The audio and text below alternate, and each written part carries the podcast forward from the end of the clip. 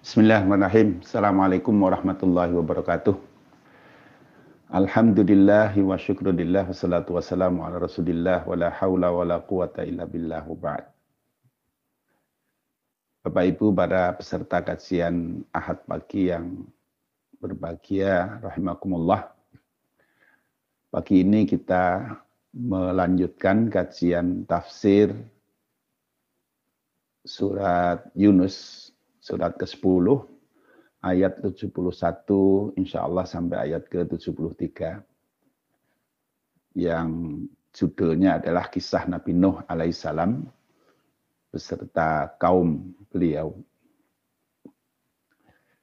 Nah mungkin materi yang saya share eh, cukup panjang, mudah-mudahan selesai pada sekali pertemuan ini. Kalau tidak selesai nanti kita lanjutkan pada pekan yang akan datang insya Allah. Nah masih seperti yang lalu-lalu rujukan pokok kita dari tafsir Al-Munair yang ditulis oleh Syekh Wahbah Az-Zuhaili. A'udzu billahi minasyaitonir rajim. Bismillahirrahmanirrahim. Watslu alaihim dan bacakanlah atas mereka orang-orang musyrik Naba Nuhin cerita tentang Nabi Nuh. Ilqala liqaumihi ketika beliau Nabi Nuh berkata kepada kaumnya, Ya qaumi, wahai kaumku, ingka nakaburu alaikum maqami. Jika keberadaanku di tengah-tengah kalian adalah sesuatu yang terasa berat bagi kalian, wa tadhkiri bi ayatillahi dan juga peringatan-peringatanku dengan ayat-ayat Allah. Itu terasa berat atas kalian. Fa'alallahi tawakkaltu. Maka hanya kepada Allah aku bertawakal. Fa'ajmi'u amrakum. Maka satukanlah keputusan kalian. Wa syuraka akum dan kumpulkanlah sekutu-sekutu kalian. Berhala-berhala. Summala yakun amrukum alaikum ghummatan. Kemudian janganlah kamu sembunyikan keputusan kalian itu. Summakdu ilayya. Dan laksanakanlah apa yang telah kalian putuskan kepadaku. Wala tungdirun dan janganlah kalian menunda-nunda. Fa'in tawallaitum, maka jika kalian berpaling dari apa yang aku sampaikan kepada kalian, fama sa'al tukum min ajrin, maka tidaklah aku meminta upah sedikit pun dari kalian. In ajriya illa Allah, tidak lain upahku, imbalanku, kecuali hanyalah dari Allah SWT. Wa umirtu dan aku diperintahkan an aku naminal muslimin agar aku menjadi orang-orang yang bagian dari orang-orang yang berserah diri. Fakadzabuhu maka mereka kaum Nuh itu mendustakan Nabi Nuh. Fanajjainahu maka kami selamatkan Nabi Nuh waman ma'ahu dan orang-orang yang beriman bersamanya fil fulki di dalam perahu. Wa ja'alnahum khalaifa dan kami jadikan mereka itu Nabi Nuh dan orang-orang yang beriman bersamanya itu khalaifa sebagai penerus-penerus. Wa aghraqna alladziina kadzdzabu bi ayatina dan kami tenggelamkan orang-orang yang mendustakan ayat-ayat kami. Fangdur maka perhatikanlah kaifakana akibatul mungdarin, bagaimana akibat orang-orang yang telah diberi peringatan. Sadaqallah azim. Al-munasabah. Pada an dzakarallahu ta'ala al-adillata dallata alal wahdaniyati wa risalati wal ba'si wal jaza' yaumal qiyamah wa fannada syubuhatal musyrikin wa kasyafa inadahum li rasulih sallallahu alaihi wasallam wa takdzibahum lahu dzakarahuna ba'da qasasil anbiya. Jadi setelah Allah SWT menyebutkan tentang dalil-dalil yang menunjukkan wahdaniyatullah, ketauhidan Allah, warisalah wal ba'si wal jaza yaumal qiyamah dan juga telah menunjukkan tentang adanya risalah, adanya hari kebangkitan dan balasan pada hari kiamat. Wa fannata syubuhat al musyrikin wa kasyafa inadahum Rasulullah sallallahu dan Allah telah membantah subhat-subhat orang-orang musyrik. Dan telah membuka, membongkar penentangan mereka terhadap Rasulullah SAW, wa takdzibahum lahu dan pendustaan mereka terhadap Rasul, maka Allah di sini di dalam ayat-ayat ini menyampaikan sebagian dari kisah nabi-nabi tasliyatan li Rasul SAW liyata bihim sebagai hiburan terhadap Rasul SAW agar Rasulullah mengambil contoh terhadap Rasul-Rasul para nabi itu.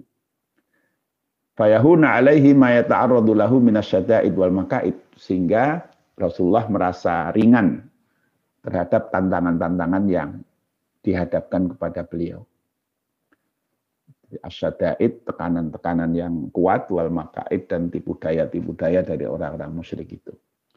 Wa tadhkiran lil musyrikina biman sabaqahum fi misli fi'lihim wa kaifa kanat akibatul musyrik mukadzibina lirrusuli alim salam. Dan sekaligus juga sebagai peringatan, jadi kisah ini sebagai peringatan terhadap orang-orang musyrik dengan melihat generasi sebelum mereka yang melakukan perbuatan yang mirip dengan mereka. Dan bagaimana akibat dari orang-orang yang mendustakan para rasul alaihissalam. Nah ini jadi kisah ini ada dua tujuan. Yang pertama bagi Rasulullah ini untuk membangun sebuah kesadaran bahwa dakwah ini memang penuh dengan tantangan dan diceritakan rasul-rasul sebelumnya juga mengalami hal yang sama dan bagaimana sikap para rasul sebelum Rasulullah itu terhadap para penentangnya itu. Nah ini sebagai contoh bagi Rasulullah sekaligus juga supaya Rasulullah tidak merasa terlalu berat menghadapi berbagai tantangan itu karena Rasul-Rasul sebelumnya juga mengalami hal yang sejenis. Nah yang kedua, ini sekaligus sebagai peringatan bagi orang-orang yang menentang para Rasul, bahwa para penentang Rasul itu akan mengalami azab-azab Allah dengan berbagai jenis azabnya. At-tafsir wal bayan. Waslu alaihim naba'a Nuhin. Ahbir ayyuhar rasul waqsus ala kufari Makkah alladzina yukhalifunaka wa yukadzibunaka khabara Nuhin ma'a qaumihi alladzina kadzabuhu. Jadi ceritakan wahai Rasul, wahai Muhammad kepada orang-orang kafir Mekah itu yang mereka itu menyelisihimu, mendustakanmu tentang berita Nabi Nuh beserta kaumnya yang mendustakan Nabi Nuh itu. Kaifa ahlakahumullahu wa tammarahum bil asma'in. Bagaimana Allah menghancurkan mereka dan menghancurkan mereka dengan ditenggelamkan semua. Liyuhdharu haula'i ayyusibahum minal halak wadamar ma'asoba ulaika. Supaya orang-orang musyrik Mekah itu mengambil peringatan agar mereka itu eh, kalau mereka itu nanti akan tertimpa satu kehancuran sebagaimana yang menimpa kaum Nabi Nuh ini. Ilqala liqaumihi ya qaumi in kana kabura alaikum maqami wa tadhkiri bi ayatillah fa 'alallahi tawakkaltu.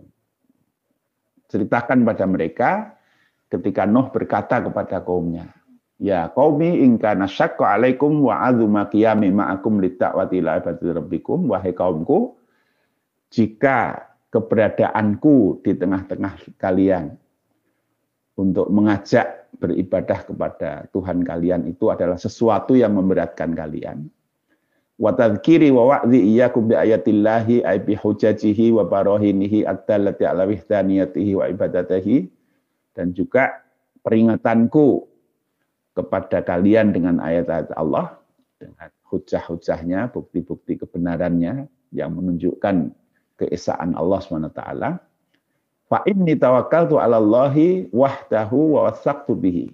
Fala ubali wala akufu an ta'wati wa risalati sawa'un azuma alaikum aula. Maka ketahuilah walaupun keberadaanku dan peringatanku kepada kalian itu kalian rasakan sebagai sesuatu yang berat, sesuatu yang menjadi masalah bagi kalian, maka ketahuilah sungguhnya aku bertawakal kepada Allah. Maka tidak ada persoalan bagiku dan aku tidak akan pernah berhenti di dalam dakwah dan risalahku ini. Baik kamu merasa berat, eh, keberatan terhadap dakwahku ini ataukah tidak. Jadi ini sikap Nabi Nuh yang uh, tidak peduli ya dengan keberatan kaumnya terhadap apa yang dilakukan oleh Nabi Nuh, yaitu mengajak mereka bertauhid dan mendakwahkan ajaran-ajaran Allah kepada mereka itu. Nah, kaumnya ini keberatan, kamu jangan bikin persoalan di tengah-tengah masyarakat kita yang sudah baik, yang sudah tentram, sudah harmonis, begitu ya. Nah, tetapi mereka harmonis di dalam kebatilan, merasa nyaman di dalam kebatilan. Maka ketika diajak oleh Nabi Nuh untuk merubah keyakinan hidup mereka yang tidak benar itu, nah terjadi keguncangan-keguncangan di tengah-tengah kaum Nabi Nuh ini. Mereka minta kepada Nuh untuk berhenti ya dengan berbagai cara gitu. Nah, tapi Nuh menjawab, ya kalau kalian Eh, merasa keberatan dengan apa yang aku lakukan, saya tidak peduli. Jadi saya akan terus menjalankan tugasku ini, yaitu untuk berdakwah kepada tauhid dan menyampaikan risalah-risalah Allah. Nah, entah kalian keberatan atau tidak keberatan. Fa'asmi'u amrakum wa syuraka'akum summa laikun amrukum alaikum ghammatan. Nah, ya silahkan buat keputusan apa pun ya dan kumpulkanlah seluruh sekutu-sekutu kalian itu. Ay azamu alamaturi itu namin amrin taf'aluna bihi. Taf'alunahu bihi. Silahkan kamu putuskan apa yang ingin kau lakukan terhadapku. Antum wa syuraka'ukum alladina ta'budunahum min dunillah min sonamin wa wasanin. Yaitu apa yang kalian ingin lakukan terhadapku bersama dengan para sekutumu yang kalian sembah itu yaitu berhala-berhala itu wala tas'alu amrokum alladzi ta'tazimunahu khafiyan multabisan alaikum bal adhiruhu li wa tubsiru fihi wa afsilu halakum ma'nya. Jadi jangan kamu sembunyikan apa yang sudah engkau putuskan itu. Tunjukkan kepadaku dan tegaskan bagaimana sikapmu terhadap diriku. Summakdu ilayya wala tungdirun fa in kuntum taz'umuna annakum muhaqquna muhiqquna faqdu ila dzalikal amr wa nafidhuhu bil fi'li. Jadi kalau kalian merasa benar dengan mengambil keputusan untuk membinasakan Nabi Nuh dan para pengikutnya, silahkan kerjakan saja. Wala tu'akhiru nisa'atan wahidatan an tanfidhi hadzal qada.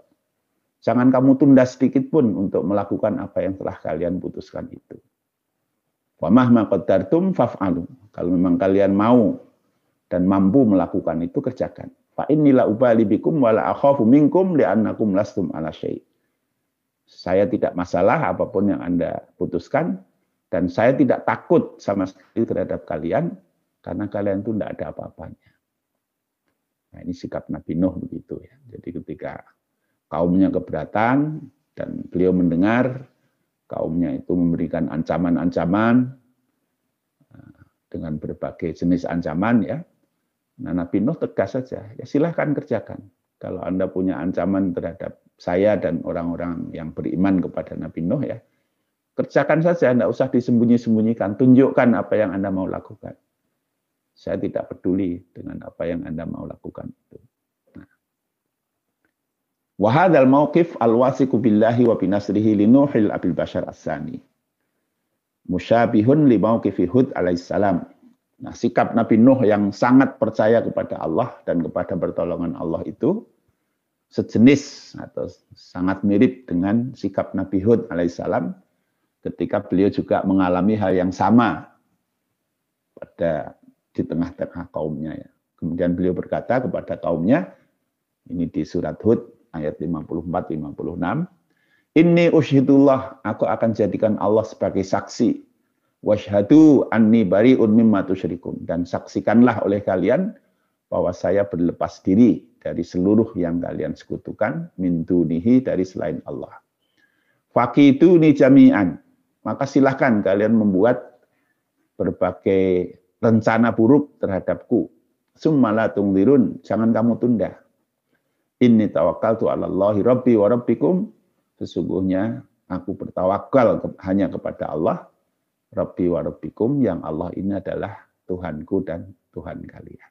Nah, ini jadi ketegasan Nabi Hud, eh, ketegasan Nabi Nuh ini mirip dengan ketegasan yang sama yang pernah diungkapkan oleh Nabi Hud kepada kaumnya silahkan Anda mau berbuat apa terhadapku, kerjakan saja, tidak usah ditunda-tunda. Nah, ini karena apa? Karena ini tawakal tu Allah, Rabbi wa Rabbikum. Karena sungguhnya Nabi ini bertawakal hanya kepada Allah, Tuhan mereka ini ya.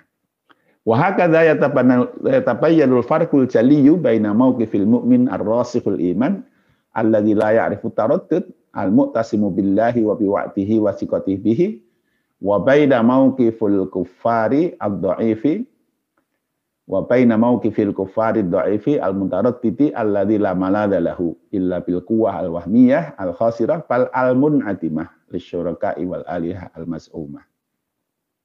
Nah, sikap-sikap seperti ini menjelaskan tentang perbedaan yang nyata antara sikap seorang mukmin yang mendalam imannya, yang tidak mengenal keraguan-raguan, yang memiliki keterikatan dengan Allah dan kepercayaan penuh dengan janji-janji Allah, dengan sikap orang-orang kafir yang lemah, yang penuh keraguan-raguan, yang tidak ada perlindungan bagi mereka kecuali dengan kekuatan-kekuatan yang wahmiyah, yang mereka yang waham, yang hanya bersifat angan-angan saja.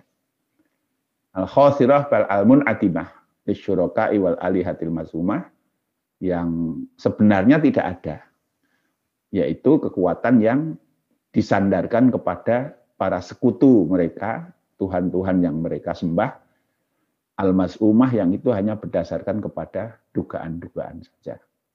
Jadi kalau orang mukmin itu yakin betul terhadap keberadaan Allah dan pertolongannya, Nah, sedangkan orang-orang kafir yang mempertuhan yang selain Allah itu, mereka sebenarnya ragu-ragu juga dengan pertolongan yang mungkin akan diberikan oleh Tuhan-Tuhan mereka itu. Bagaimana mereka bisa menolong orang-orang kafir itu, sedangkan Tuhan-Tuhan mereka itu mereka tahu juga tidak bisa berbuat apa-apa. Nah, ini ada ketegasan, keyakinan dengan apa ya penuh percaya diri Nah, sementara sebenarnya sikap orang-orang kafir secara umum ya, kafir di mana saja, kapan saja, itu sebenarnya selalu ragu dengan apa yang mereka yakini itu. Mutarotit ya. Mau kiful kafir al-do'if al-mutarotit. Sikap orang kafir yang lemah dan selalu ragu-ragu dengan apa yang mereka akan melakukan itu. Fa'in tawallaitum famasa'atukum min ajrin jika kalian tetap berpaling, kata Nabi Nuh kepada kaumnya, fa'in tawalaitum, maka jika kalian berpaling dari ajakanku, ajakan Nabi Nuh ini, antadkiri wa kadzabtum wa lam tu'minu bi risalati wa lam tuti'uni ma ad'ukum ilaihi minatinil haq. Jika kalian berpaling dari peringatan-peringatanku, mendustakan Kalian mendustakan peringatanku, tidak mau beriman dengan risalahku, tidak mau taat dengan apa yang aku ajakkan pada kalian, yaitu berupa agama yang benar. Fa inni lam atlub minkum ala nusi syai'an. Ketahuilah sungguhnya saya tidak ingin mencari apa-apa dari kalian itu. Ajron au jazaan. Upah atau imbalan. Tidak, saya tidak cari apa-apa dari kalian. Inna sawaba amali wa jazai alallahi rabbi alladhi arsalani ilaikum. Sesungguhnya imbalan dan upah yang aku harapkan hanyalah dari Allah Tuhanku yang telah mengutus aku kepada kalian. Wa amaroni anakku naminal muslimin dan yang telah mengutus aku, menyuruh aku untuk menjadi hambanya yang tunduk patuh. Ay al-munqatina al-mutamassilina al-mumtasilina lima umirtu bihi minal istislam likul lima yasilu ilayya min ajri hadid dakwah. Jadi supaya aku menjadi orang yang terus melaksanakan apa yang diperintahkan kepadaku, yang berupa ketumbukan kepada segala hal yang disampaikan kepadaku dalam rangka dakwah ini. Wal Islam wal khudu lillahi azza wa jalla dan terus berserah diri dan tunduk kepada Allah azza wa jalla. Jadi begitu. Jadi kalau kalau Nabi Nuh ini mengatakan secara tegas, ya kalaulah kalian menolak ajakan, maka sebenarnya aku juga tidak berharap apa-apa dari kalian. Tidak ingin minta upah, tidak ingin mendapatkan penghasilan dari apa yang aku lakukan itu dari kalian. Jadi saya tidak saya tidak butuh terhadap kalian dengan hal-hal yang bisa memberiku uh, upah dari apa yang aku lakukan ini. Nah, dikira kalau kalian berpaling, menentang, tidak mau menerima, terus rugi gitu. Tidak, saya tidak ingin berharap apa-apa kok dari kalian. Nah, yang saya harap hanyalah pahala dan imbalan dari Allah yang menyuruh aku untuk terus taat kepada Allah dalam menyampaikan dakwah ini kepada kalian. Nah, di akhir ayat ini ada wa umirtu an aku namanya muslimin ya. Nah, di sini dijelaskan, ini diambil dari tafsir Ar-Razi sebenarnya. Wal Islamu huwa dinul anbiya jami'an min awalihim ila akhirihim. Jadi sebenarnya Islam itu adalah agama para nabi seluruhnya, baik dari awal maupun sampai akhirnya. Wa in tadawwa'at syara'i'uhum at-tafsiliyah, walaupun syariah-syariahnya secara rinci itu berbeda-beda. Jadi Islam itu artinya tunduk atau taat hanya kepada Allah. Ya. Nah tentang bagaimana cara untuk tunduk patuh masing-masing nabi diberi ketentuan yang berbeda-beda. Nah, inilah tanawwa tuhum atau siliyah. Jadi berbeda-beda syariat mereka yang rinci. Secara rinci syariatnya berbeda-beda tetapi prinsipnya sama yaitu taat kepada Allah Subhanahu wa taala. Nah, sebagaimana Allah berfirman di dalam surat Al-Maidah ayat 48, "Likullin ja'alna minkum syir'atan wa minhaja." Jadi bagi setiap masing-masing orang, masing-masing generasi, masing-masing nabi, ja'alna minkum syir'atan wa minhaja. Kami telah jadikan dari kalian syir'atan, syariah, wa minhajan dan minhaj, jalan hidup masing-masing. Jadi prinsipnya sama. Zaman Nabi Hud prinsip dakwahnya ya tauhid. Tauhid itu tunduk patuh taat hanya kepada Allah. Tentang bagaimana teknis ketaatannya, Nabi Hud diberi ketentuan-ketentuan sendiri. Nah, itulah nanti akan umatnya Nabi Hud akan diukur keislamannya, kepatuhannya kepada Allah dengan dilihat bagaimana komitmen mereka kepada syariah yang dibawa oleh Nabi Hud itu. Demikian juga Nabi Nuh, demikian juga Nabi Musa, demikian juga Nabi Isa dan seluruh nabi-nabi yang lain dan demikian juga Rasulullah Sallallahu Alaihi Wasallam. Rasulullah diberi perintah untuk mengajak orang bertauhid, tunduk patuh taat hanya kepada Allah Subhanahu Wa Taala, tidak menyembah. Menyembah itu artinya beribadah, beribadah itu artinya mencintai, mematuhi, menaati sesuatu. Nah ini tidak boleh dilakukan kecuali hanya untuk Allah SWT. Nah, bagaimana cinta patuh taatnya kepada Allah ini, itulah ditentukan oleh syariah yang dibawa oleh Rasul. Nah, itulah setiap nabi dia mengajak kepada hal yang sama, walaupun syariahnya berbeda-beda. Allah nanti akan mengukur ketaatan setiap umat itu sesuai dengan syariah yang dibawa oleh nabinya. Nah, kekhususan dari syariah Rasulullah adalah dia menghapus seluruh syariah yang sebelumnya. Menguatkan syariah-syariah yang masih sesuai dan menghapus seluruh syariah, menggantinya dengan syariah yang baru. Nah, kalau nabi-nabi sebelum Rasulullah, ini syariah mereka hanya berlaku untuk kaumnya masing-masing. Qala Nabi sallallahu alaihi wasallam fi marawahu al-Bukhari wa Muslim wa Abu Dawud wa Ahmad al-anbiya'u aulatu allatin. Para nabi itu adalah aulatu allatin. Ai annana aulatun min ummahatin syatta wal abu wahid. Jadi kami ini ini ungkapan yang disampaikan oleh Nabi sebagai satu eh, kata yang bersifat tidak anu ya, tidak dohir, tidak tekstualnya, bahwa pada dasarnya nabi-nabi itu adalah anak-anak dari ibu yang berbeda-beda, tetapi bapaknya satu. Nah, maksudnya itu induknya, induk ajarannya itu satu, walaupun masing-masing membawa syariat yang berbeda-beda. Nah, induk syariatnya itu adalah tauhid.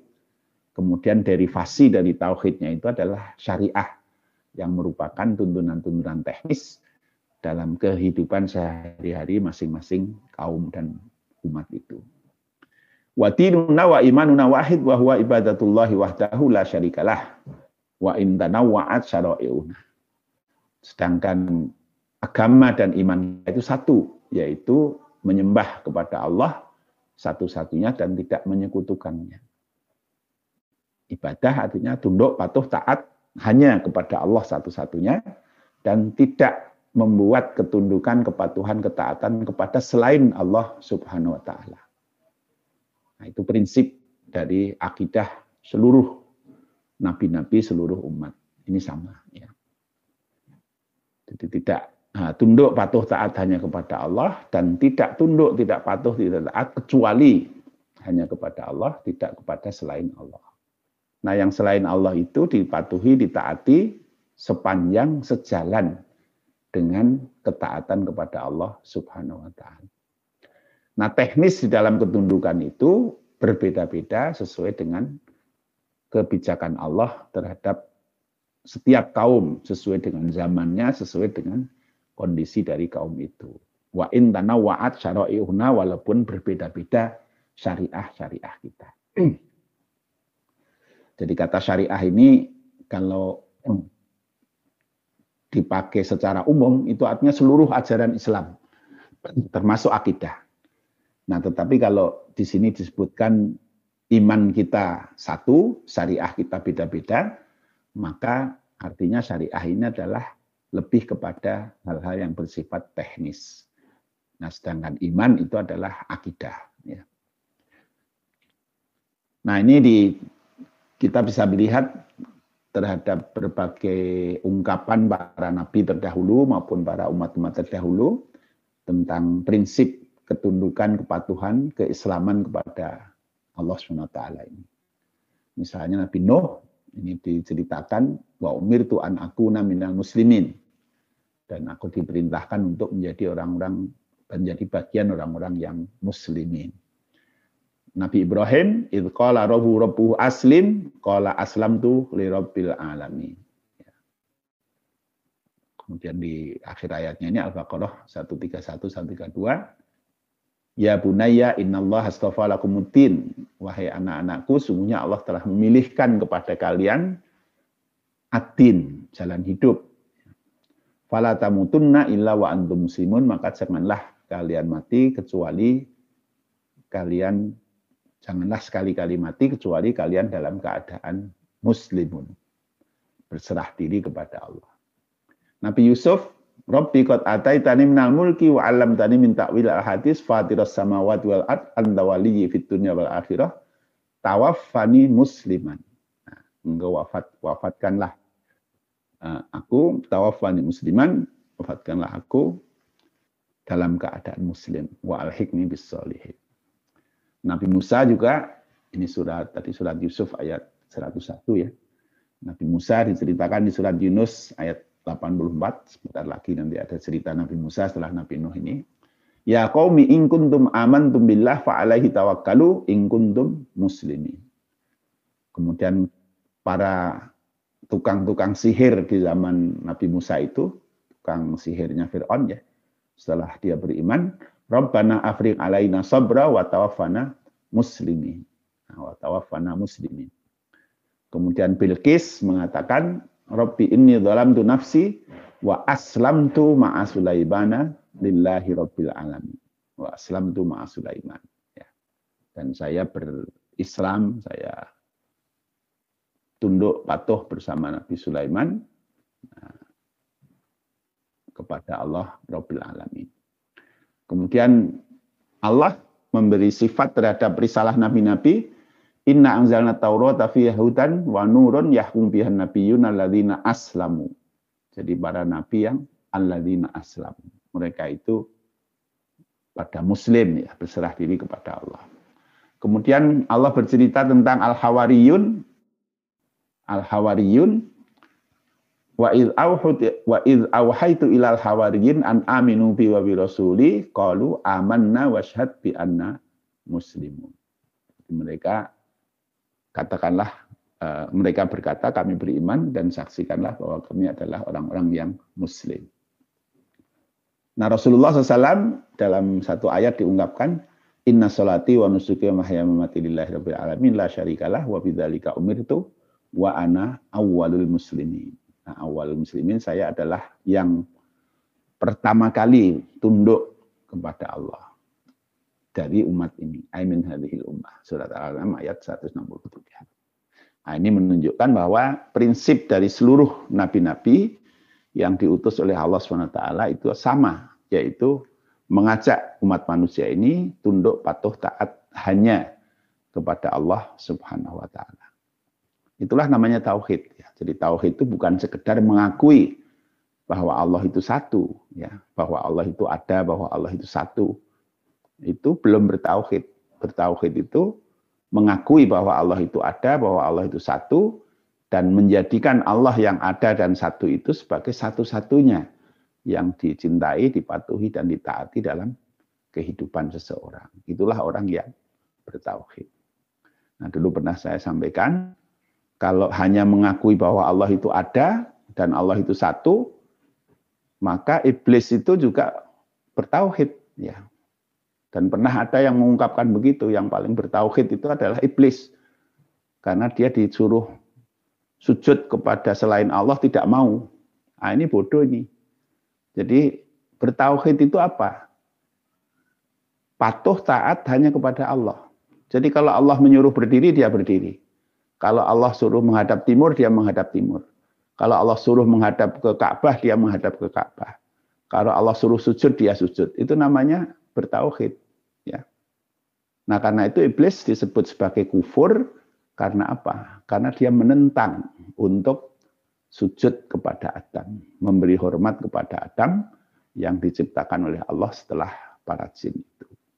Nah ini jadi iblis itu yakin ya, yakin dia tahu ada Allah dan hanya satu, tetapi kekafiran dia adalah karena menolak untuk taat kepada perintah Allah. Nah itu orang yang meyakini Allah itu ada, Allah itu satu, tetapi di dalam hidupnya dia tidak mau tunduk patuh taat hanya kepada Allah, dia tunduk patuh taat kepada selain Allah. Nah selain Allah inilah yang disebut sebagai sekutu-sekutu syuroka. Ya. Maka dia ini orang musyrik. Dia ini orang musyrik. Dia bukan orang yang bertauhid. Ya. Walaupun mengakui bahwa Allah itu satu, bahwa Allah itu ada. Ya. Karena tauhid bukan sekedar mengakui Allah itu satu, Allah itu ada, tetapi mengakui Allah itu ada, Allah itu satu, dan dia bersedia untuk menyatakan tunduk dan patuh hanya kepada Allah yang ada yang satu itu. Nah, itulah bertauhid. Maka perilaku orang bertauhid adalah orang-orang yang hidupnya selalu menyesuaikan diri dengan apa yang diajarkan, diperintahkan, dan dilarang oleh Allah Subhanahu wa Ta'ala. Itulah substansi dari dari tauhid. Nah, tentang apa yang dilarang dan diperintahkan, ini setiap nabi membawa ketentuan yang berbeda-beda. Itulah yang disebut sebagai syariah yang berbeda-beda. Nah, tapi prinsip ketundukan kepada Allah melalui syariat-syariat ini, itulah yang disebut sebagai muslim. Jadi orang muslim itu orang yang secara prinsip tunduk patuh taat hanya kepada Allah. Nah, kemudian di dalam tunduk patuh taatnya ini sesuai dengan syariah yang dibawa oleh nabi, nabi yang ada di zamannya itu. Maka seluruh mereka ini adalah disebut sebagai muslim. Nah, kita sekarang disebut muslim itu syaratnya dua tadi. Pertama, tunduk patuh taat hanya kepada Allah. Yang kedua, tunduk patuh taat kita kepada Allah itu sesuai dengan syariah yang dibawa oleh Nabi kita, Nabi zaman kita, yaitu Rasulullah Muhammad Sallallahu Alaihi Wasallam. Maka ungkapan keislaman itu dengan dua kalimat syahadat, asyhadu alla ilaha illallah wa asyhadu anna Muhammadan Rasulullah. Jadi tunduk kepada Allah dengan tauhid la ilaha illallah itu Kemudian cara tunduk kepada Allah, patuh taat kepada Allah ini sesuai dengan syariah yang dibawa oleh Nabi kita yaitu Rasulullah Muhammad sallallahu alaihi wasallam. Maka kemudian orang-orang musyrik di zaman Nabi Nuh itu mendustakan Nabi Nuh. Ya. Aifa asarru ala takdzibihi Ya, mereka terus mendustakan Nabi Nuh itu. Fanatzainahu wa ma'au fil fulki wa ja'alnahum khalaifa. Fanatzainahu huwa man amana ma'ahu fil fulki ay fis safinati allati sana'aha bi amrina wa ja'alnahum khalaifa ay wa ja'alna najina ma'anuhin fis safinati khalaifa ulaikal halikin fi imaratil ardi wa suknaha min ba'dihim. Maka kami selamatkan Nabi Nuh dan orang-orang yang beriman bersama Nabi Nuh itu di dalam perahu yang dibuat oleh Nabi Nuh atas perintah Allah. Ketika Nabi Nuh membuat perahu ini, orang-orang musyrik itu melecehkannya. Ya, dengan tuduhannya orang gila, orang apa kok di tengah-tengah daratan begini bikin perahu ya. Nah, ini semuanya ya begitulah perilaku kaum musyrik di zaman Nabi Nuh itu.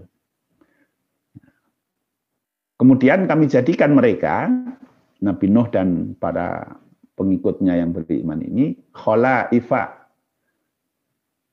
sebagai pelanjut-pelanjut. Ya, kholfan min ba'di kholfin. Pelanjut-pelanjut dari mereka-mereka yang dihancurkan oleh Allah di dalam memakmurkan bumi dan meninggali bumi itu setelah kehancuran itu.